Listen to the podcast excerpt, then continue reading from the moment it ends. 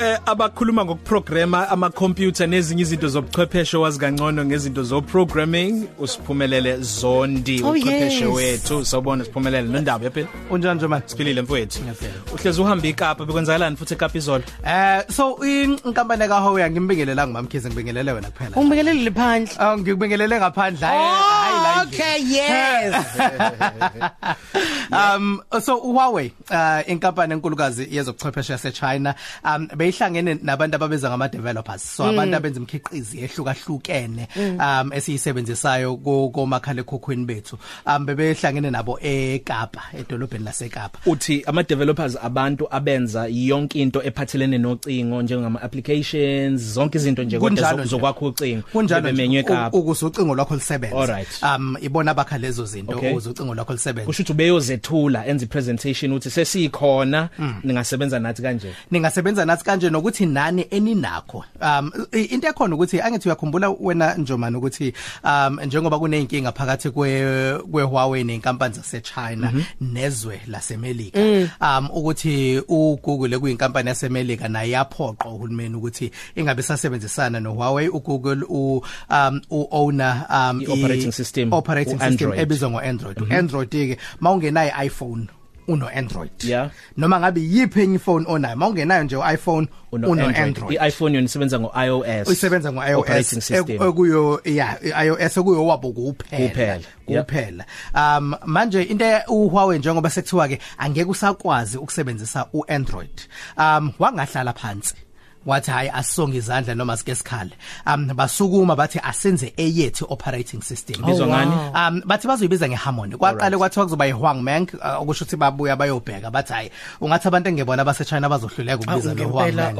oh. um base beyabuya ke bathi kuzoba iharmony. Ngoko G labo esikhuluma ngabo 3G 4G 5G kusho ukuthini ke kule harmony entsha izosebenza ka- ngayiphi? A- angithi ke oh, wena Njomane njengoba wazi siya ukuthi um iHuawei iyona ehamba phambili uh, ku 5G Okay. okusho ukuthi Harmony iyona ezobe seyikwazi ukuthi ithole lobuchwepheshe ba fi- ba 5G um ba obakhiwa iyona iHuawei Okay. um njengoba kuthiwa enye in- into yabanga inkinga phakathi kwayo Huawei nezo lase America ukuthi iha- iHuawei iyona ehamba phambili uh, kucwaningo nokwakha ubuchwepheshe be5G la sekuyikhona siyakhona njengamanje okay so lokho kusho ukuthini kumuntu ophathiwa we uma sekuzoba khona operation operating system entsha esaku Android yena. Mhm. um uma ngabe unalo ucingo lwe Huawei njengamanje uku Android usengaqhubeka usebenzise wona Android bathi angeke uzokhishwe ku Android mawunalo ucingo lu Android njengamanje. Ingcinga ezingakaphumi umakhala ekhukhwini abangakaphumi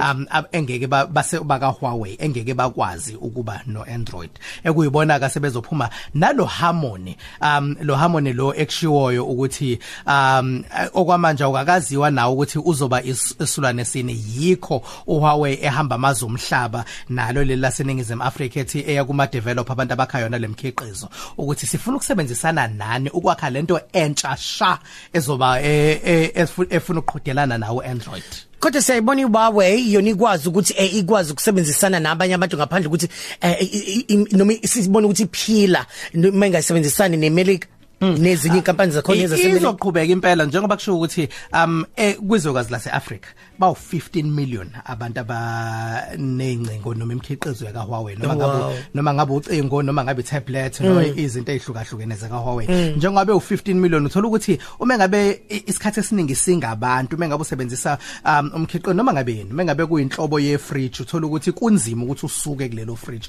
Makuyinhlobo um yamabona kude kunzima ukuthi usuke kulo ma- kulo mabona kude um nakhona ke kuzoba nzinyana ukuthi abantu basuke kulo kulomkhiqizo ka Huawei sebekujwayele yabo nje manje. Ngokwama network ngiyazi ukuthi bangalwa ama ama cellphone network abasuke bekhona kodwa khona la bahlangana khona mawuthola ukuthi kune network engenayo imboshongo yayo noma ama satellite bayakwazi ukurenta.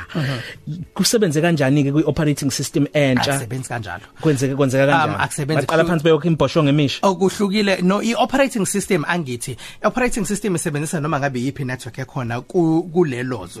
Uma ku Vodacom Vodacom maku MTN MTN Cell C um uzowabala wonke ke wena ondaba sekhonore la singabale wonke vele. Sengwabalile uVodacom MTN uCell C uTelkom sekhona no Rain. Khona amanye ungawashongo kodwa qhubeka sehla sure.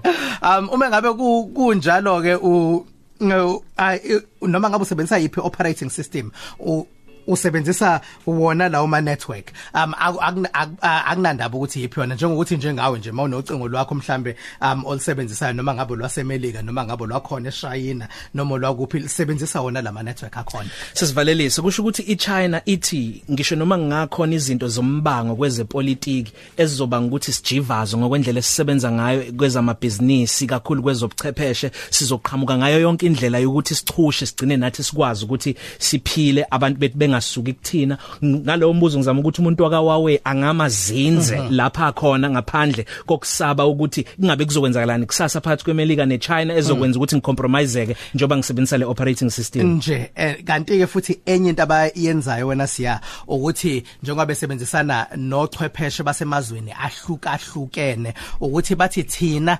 asiniki into esiyakhe thina ukuthi nina nivele nje nebabantu abazothatha iproduct niyisebenzise. Okay. ukuthi sisebenzisana nani?